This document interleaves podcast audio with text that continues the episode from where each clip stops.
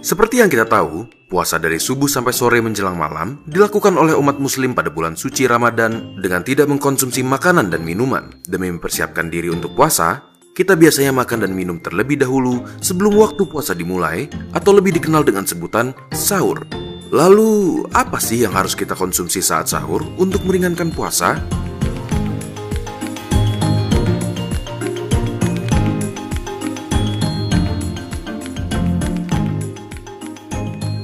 Sahur biasanya dilakukan dengan tujuan membuat kita kenyang selama mungkin agar mengurangi rasa lapar, mencukupi kebutuhan nutrisi yang seimbang, dan mencegah dehidrasi selama seharian beraktivitas.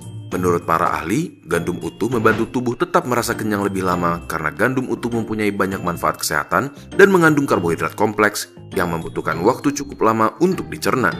Dengan begitu, kalori diserap secara perlahan dan memberikan energi yang dilepaskan secara lambat sepanjang hari selama berpuasa. Selain itu, buah dan sayuran dianjurkan untuk menyediakan kebutuhan vitamin dan mineral. Terlebih lagi, serat yang terdapat di dalamnya juga memperlambat pencernaan dan membuat kita merasa kenyang lebih lama. Sebaliknya, makanan atau minuman olahan ataupun bergula melepaskan kalori secara cepat dan membuat kita merasa lapar lebih cepat sehingga kita akan lebih mudah lelah. Berlawanan dengan gula yang dicerna relatif cepat, protein merupakan molekul yang jauh lebih kompleks. Proses pemecahan ikatan kimia pada struktur protein menjadi asam amino membutuhkan waktu lebih lama, sehingga makanan berprotein membutuhkan waktu lebih lama untuk dicerna. Hal ini menjadikan protein sebagai sumber energi yang tahan lama, Itulah sebabnya atlet kompetitif dan bineragawan biasanya mengonsumsi banyak protein, misalnya dari daging. Selain itu, daging juga mengandung lemak yang memperlambat pencernaan karena lemak tidak dapat menyatu dengan air dan menyulitkan sistem pencernaan yang kebanyakan bekerja dengan basis air.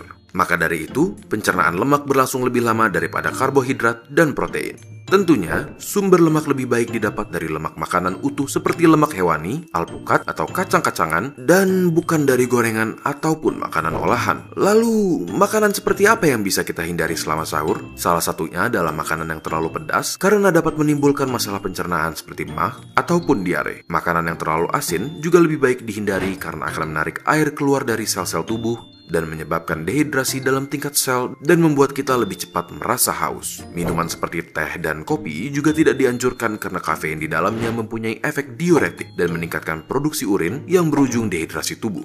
Bagaimana menurut kalian? Apakah informasi ini berguna? Bagikan video ini ke teman-teman kalian agar mereka bisa mulai sahur dengan benar. Jangan lupa untuk subscribe demi mendukung keberlangsungan channel ini. Jika ada topik yang kalian ingin kami bahas, kalian bisa tulis di kolom komentar untuk kami lihat. Seluruh tim Neuron mengucapkan selamat menunaikan ibadah berpuasa kepada saudara-saudara kita yang sedang menempuh bulan Ramadan. Terima kasih dan sampai ketemu di video berikutnya.